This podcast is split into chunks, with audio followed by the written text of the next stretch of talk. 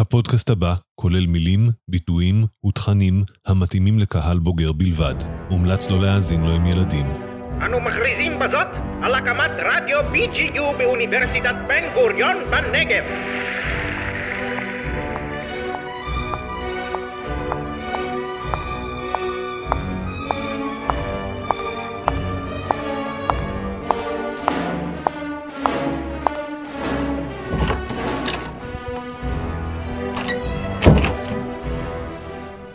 תגיד לי, איזה צונאמי עבר על הבית הזה? הוא לא היה נראה ככה כשאני יצאתי בבוקר, מה קרה כאן? תפסיקי לחיות בסרט, אנשים חיים פה, מה את מצפה, שכל היום אנחנו נעבור עם הטאטא? אנשים? דיר חזירים נראה יותר טוב מזה. זה הבית שהשארת, כנראה את לא יודעת לנקות, מה את רוצה ממני? אני? כן, את! אני לא יודעת לנקות. כנראה לקחת את הרגלים של אמא שלך, ואת לא יודעת לנקות, מה, עם כל הכבוד. עד אימא שלי, תיזהר, עד אימא שלי. אתה מעז לפתוח את הפה שלך ולהוציא את המילים אימא שלך מהפה שלך? למה, איפה הסמרטוט הזה שגידלה אותך? אין... יא אידיוט! דביל, התחרפנת לגמרי אם אתה חושב שאני אסכים למשמורת משותפת. מאיפה בכלל בא לך הרעיון ההזוי הזה?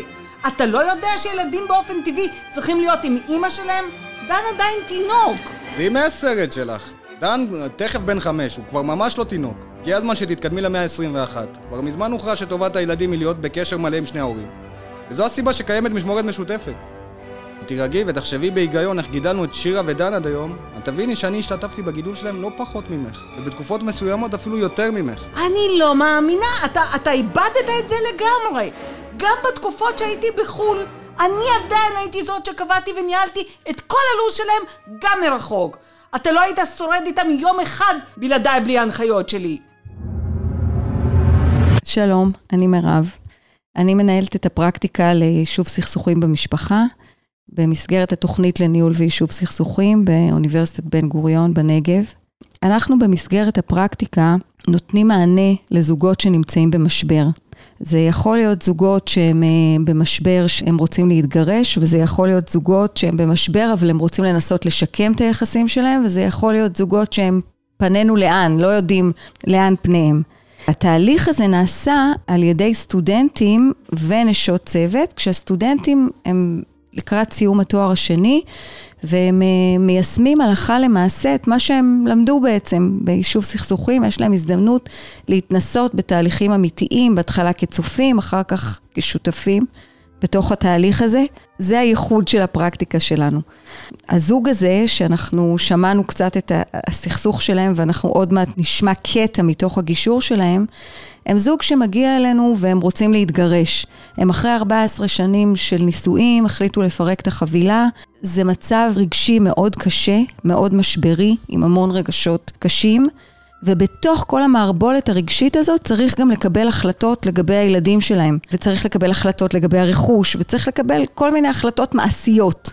אז בדרך כלל, כדי להתמודד עם כל המורכבות של המשבר הזה, נשות הצוות שמנהלות את התהליך, כמו גם במקרה הזה, מגיעות מעולמות מקצועיים שונים. יש לנו כאן מגשרת שהיא מגשרת ועורכת דין, ויש עוד אשת מקצוע מהתחום הטיפולי, ומאוד חשוב לנו לשלב את תחומי הידע האלה בתוך התהליכים שאנחנו עושים בפרקטיקה, כי בדרך כלל נדרש כאן גם מעבר לידע הגישורי שהוא הבסיס, גם ידע מהתחום הטיפולי ומהתחום המשפטי.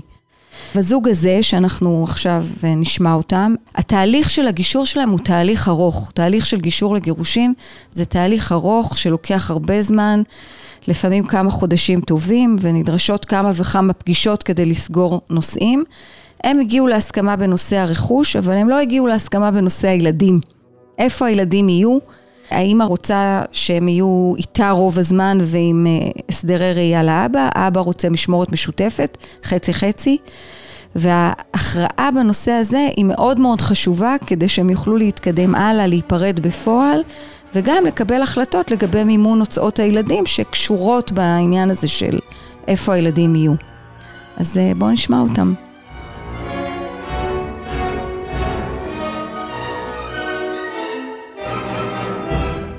שלום לכולם, המפגש שלנו היום יעסוק בנושא הילדים, עד כה הצלחתם להגיע להסכמות טובות ומכבדות, בואו נמשיך בכיוון הזה.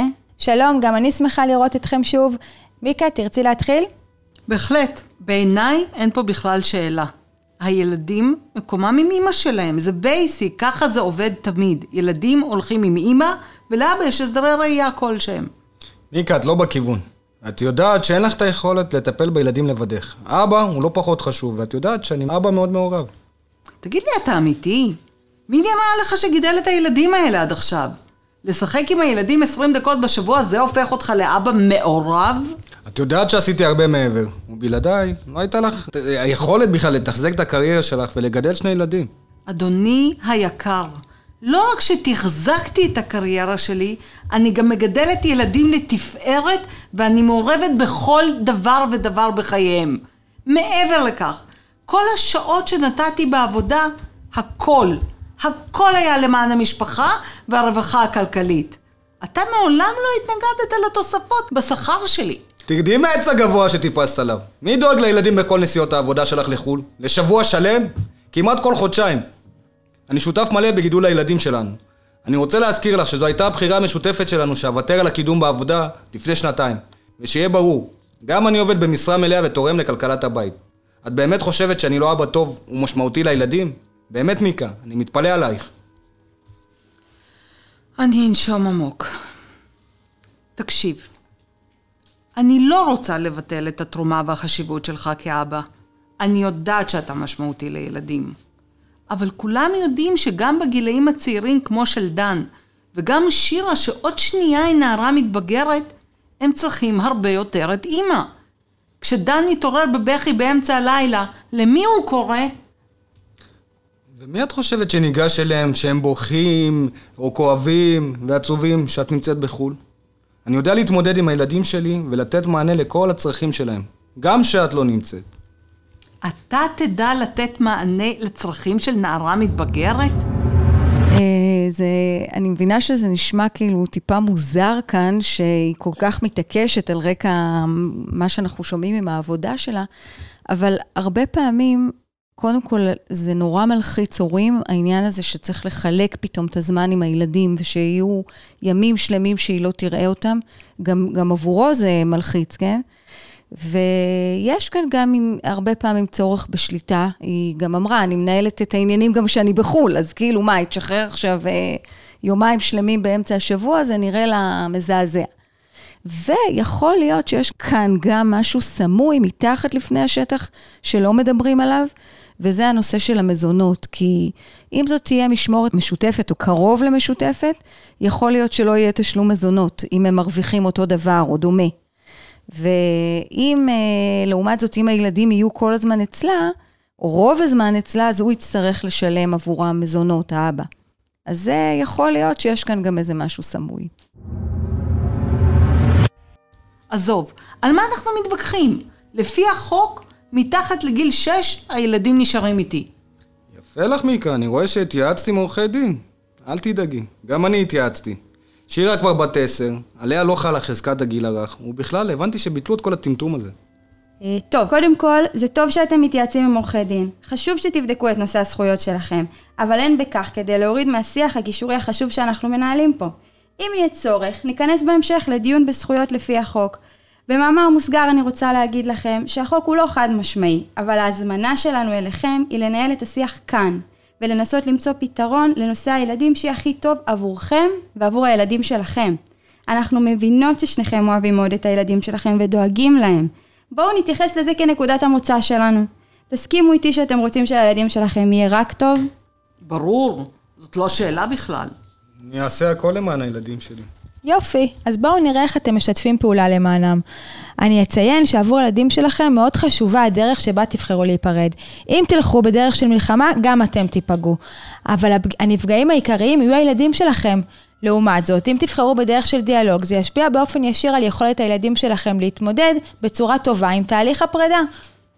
אז בשביל לעזור לכם לקדם את הנושא בצורה גישורית, בואו נתחיל משאלה בסיסית. מה חשוב לכם בקשר לילדים? מי רוצה להתחיל? אני אתחיל. לי מאוד חשוב להיות זמן משמעותי עם הילדים שלי. הייתי רוצה חצי-חצי. ובכל מקרה זה צריך להיות מספר ימים משמעותי בשבוע שהם אצלי. חשבת על איך זה יעבוד בפועל? כן. סיכמנו שאנחנו מוכרים את הבית המשותף, וכנראה שבתקופה הקרובה כל אחד מאיתנו ישכור דירה. אנחנו בכל מקרה רוצים להמשיך לגור באותה עיר, כי שנינו עובדים כאן, אז לדעתי כדאי שנשכור דירות סמוכות זו לזו, וכך נוכל לחלוק בגידול הילדים. ומה מבחינת העבודה שלך, איך זה יסתדר? תראו, גם כיום שאנחנו חיים ביחד, יש יום בשבוע שאני מגיע מוקדם להיות עם הילדים. ועוד יום שאימא שלי מגיעה, בשלושת הימים האחרים מיקה איתם אחר הצהריים. לדעתי זה יכול להמשיך ככה, בגד... בגדול, ש... ש... שיומיים באמצע השבוע הם אצלי. כולל לינה? כן, גברתי, כולל לינה. זה פחות נראה לי. אז מיקה, בואי, בואי תנסי להסביר לנו מה חשוב לך בנושא הילדים. לי מאוד חשוב שיהיה להם בית מרכזי אחד, ושלא יזרקו אותם מבית לבית. לדעתי, זה צריך להיות אצלי. כי בפועל אני ההורה היותר משמעותי בגידול הילדים שלהם עד עכשיו. אם שער רוצה לראות אותם פעם או פעמיים בשבוע אחרי הצהריים, זה בסדר גמור, אבל שיחזרו לישון אצלי. איך את רואה את המקום של שי בגידול הילדים? אמרתי כבר קודם, חשוב מאוד שלילדים יהיה אבא נוכח. הקשר שלהם איתו חשוב לי מאוד, ואני מאוד מעריכה את שי כאבא. אבל אימא זה אימא, אימא יש רק אחת. אוקיי, okay, אה, אני רוצה לעשות איזשהו סיכומון קטן. אה, אנחנו רואות שלשניכם מאוד חשוב הקשר עם הילדים, וגם הקשר של ההורה השני איתם. לך, שי, חשוב להיות זמן משמעותי עם הילדים, כולל לינה אצלך. ולך, מיקה, חשוב שלילדים יהיה בית אחד שהוא יותר מרכזי. יש כאן פער מסוים, אבל ייתכן שהוא קטן הרבה יותר מכפי שנראה לכם. בשלב זה אנחנו עוצרים את הדיאלוג ורוצים לשמוע קצת את המגשרות. איך אתן מרגישות? אני שומעת הורים מאוד מעורבים ואכפתיים, שחשוב להם לגדל את הילדים שלהם ולהיות נוכחים. יחד עם זאת, לשניהם יש גם קריירות מצליחות, אז הם צריכים לשלב. אני שומעת את הקושי של מיקה לשחרר ולאפשר לשי, אבל זה משהו שאפשר לעבוד איתו. אני מאוד אופטימית לגביהם. אה, אני גם חושבת שיש כאן פוטנציאל מצוין להגיע להסכמות. הפערים ממש לא גדולים לדעתי. יפה. אז אה, איך תקדמו את השיח בשלב הזה? אה, אני חושבת שאנחנו צריכות לשאול כל אחד מהם בצורה קצת יותר קונקרטית, איך לדעתם ההסדר צריך לעבוד. למשל, אפשר לשאול את מיקה איך היא חושבת להתמודד עם הימים שבהם היא צריכה להישאר עד מאוחר בעבודה. מה קורה שהיא צריכה לנסוע לנסיעות עבודה בחו"ל. את שי אפשר לשאול איך הוא מתכוון לממש את שני הימים שבהם הילדים צריכים להיות איתו. אם הוא יכול לחזור פעמיים בשבוע מוקדם מהעבודה, עד כמה באמת הוא מסתמך על העזרה של אימא שלו, כמו שהוא ציין. אמ, אני חושבת שגם צריך להציע להם לבדוק חלופות שונות של חלוקת הימים בהמשך השבוע. למשל, אם הילדים נמצאים יומיים ברצף אצל שי ושלושה אצל מיקה, אז יש פחות דילוגים מבית לבית. מצד שני, חשוב שניקח בחשבון שלא ייווצר רצף ארוך מדי אצל אחד ההורים, שבו השני לא רואה בכלל את הילדים. כן, אם יהיה צורך, נשב עם כל אחד מהם בפגישה נפרדת כדי לעזור להם לשחרר התנגדויות ולקדם את הדיאלוג. בפגישה הנפרדת אפשר לעשות להם בוחן מציאות, שבו בודקים איתם מצד אחד עד כמה ניתן באמת לקיים את ההסדר שהם מציעים, מבחינת הזמן שכל, שכל אחד מהם יכול להקדיש לילדים, המשאבים הכלכליים העומדים לרשותם, וגם בוחן מציאות משפטי. אם לא יגיעו להסכמות וילכו לבית המשפט, מה הסיכויים והסיכונים של כל אחד מהם בסיטואציה כזאת. בהיבט המשפטי, אם הזכרת את זה, אז מי מהם צודק לגבי חזקת הגיל הרך, ואצל מי יהיו הילדים אם בית המשפט יתערב? אין על זה תשובה חד משמעית. מאוד חשוב לציין, כי אנחנו לא נותנים לבני הזוג ייעוץ משפטי, אבל אנחנו כן יכולים לתת להם תמונה כללית לגבי המורכבות של המצב המשפטי, וגם לעודד אותם להתייעץ עם עורכי דין במידת הצורך, כפי שהם עשו במקרה הזה. בכל מקרה, לנו חשוב להדגיש להם שלגבי חזקת הגיל הרך יש פסקי דין סותרים של בתי המשפט, ואין לדעת מה יפסוק השופט במקרה כזה. כמו גם לציין כי יש מגמה של התייחסות יותר ויותר שוויונית למקומם של האבות בגידול הילדים, בוודאי בגילאים של הילדים שלהם. שמענו כאן קטע מתוך הגישור, אנחנו לא נשמע את כולו. בהמשך התהליך, בוא נגיד ברגע שבני הזוג הצליחו להפנים בעזרת המגשרות שמה שחשוב להם זה לפעול לטובת הילדים שלהם, אז השיח קיבל תפנית חיובית. האווירה השתנתה. מיקה, לקח לה קצת זמן, אבל היא הבינה שמשמורת אם מלאה זה, המשמעות זה שכמעט כל עול הטיפול בילדים עליה, וזה לא פשוט במקביל לעבודה התובענית שלה. היא הגיעה למסקנה שזה באמת יהיה קשה מדי ולא סביר, ועלול לפגוע גם בעבודה שלה ועוד יותר גרוע מזה בילדים שלה, אם היא תתעקש. אז היא שחררה. ולאור העובדה ששי הוא אבא מסור שדואג לילדים ומאוד מעורב בחיים שלהם, חלוקת האחריות ההורית בין שניהם יכולה להקל עליה מאוד ולעשות טוב לילדים. והם הגיעו להסדר שנקרא 6-8, אנחנו מכנים אותו 6-8, שזה אומר שעל פני שבועיים הילדים נמצאים שמונה ימים עם האם ושישה עם האב. אה, ימי החול מתחלקים שלושה ימים עם האימא, יומיים עם האבא, וסופי השבוע לסירוגין. לסיכום נשמע את מיקה ושי, החוויה שלהם מהתהליך. מיקה? אני מאוד שמחה שהצלחנו למצוא פתרון ששנינו יכולים לחיות איתו בשלום. לי מאוד חשוב שהגדרנו שיש רצף של הילדים בכל בית והם לא הולכים לישון כל לילה במיטה אחרת. יותר מזה, שי הסכים לכך שבמקרים בהם אטוס לחו"ל לשלושה ימים ומעלה, נאזן את זה אחרי שאחזור, ואז הם יהיו איתי כמה ימים ברצף. אני חייב לציין שמאוד הוקל לי. מיקה הייתה מאוד לוחמנית בהתחלה. פחדתי שאני אאבד את הילדים שלי. אני שמח שהיא הצליחה להבין את החשיבות שלי כשותף מלא בגידול הילדים. אז לסיכום, אנחנו יכולים לראות שברגע שכל אחד מבני הזוג הצליח להבין מה חשוב לצד השני וגם מה חשוב לו עצמו, מעבר לעמדות שהוא מבטא בתחילת הדיאלוג, והעובדה שהם הצליחו להתכנס סביב המטרה של טובת הילדים, כי בסופו של דבר הילדים זה מה שחשוב להם באמת, זה הביא לקידום הדיאלוג ולמציאת פתרון שהוא טוב לשני הצדדים ובשיתוף פעולה. מה שחשוב גם שאנחנו שואפים לזה שההסכם הסופי ייחתם אחרי שהם מתנסים בהסדר שעליו הם הסכימו, הם מנסים את היומיים, שלושה, באמצע השבוע, ורואים שזה מתאים להם ומתאים לילדים ומדייקים את ה fine tuning של זה, ואז אנחנו חותמים על הסכם, כי פתרון כזה שניסו אותו והוא מוסכם, הוא בעל סיכוי גבוה להתממש לאורך זמן. בפרקטיקה לניהול ויישוב סכסוכים במשפחה, אנחנו יכולים לעזור לכם למצוא את המסלול הנכון בשבילכם. אם אתם מרגישים שאתם זקוקים לייעוץ והכוונה, לא בטוחים לאן הזוגיות שלכם הולכת, מחפשים דרך להיפרד, שאתם מקבלים את ההחלטות בקצב שלכם ובדרכי נועם, אז אתם מאוד מוזמנים לפנות אלינו. צרו קשר עם מירב בטלפון 052 3863 424.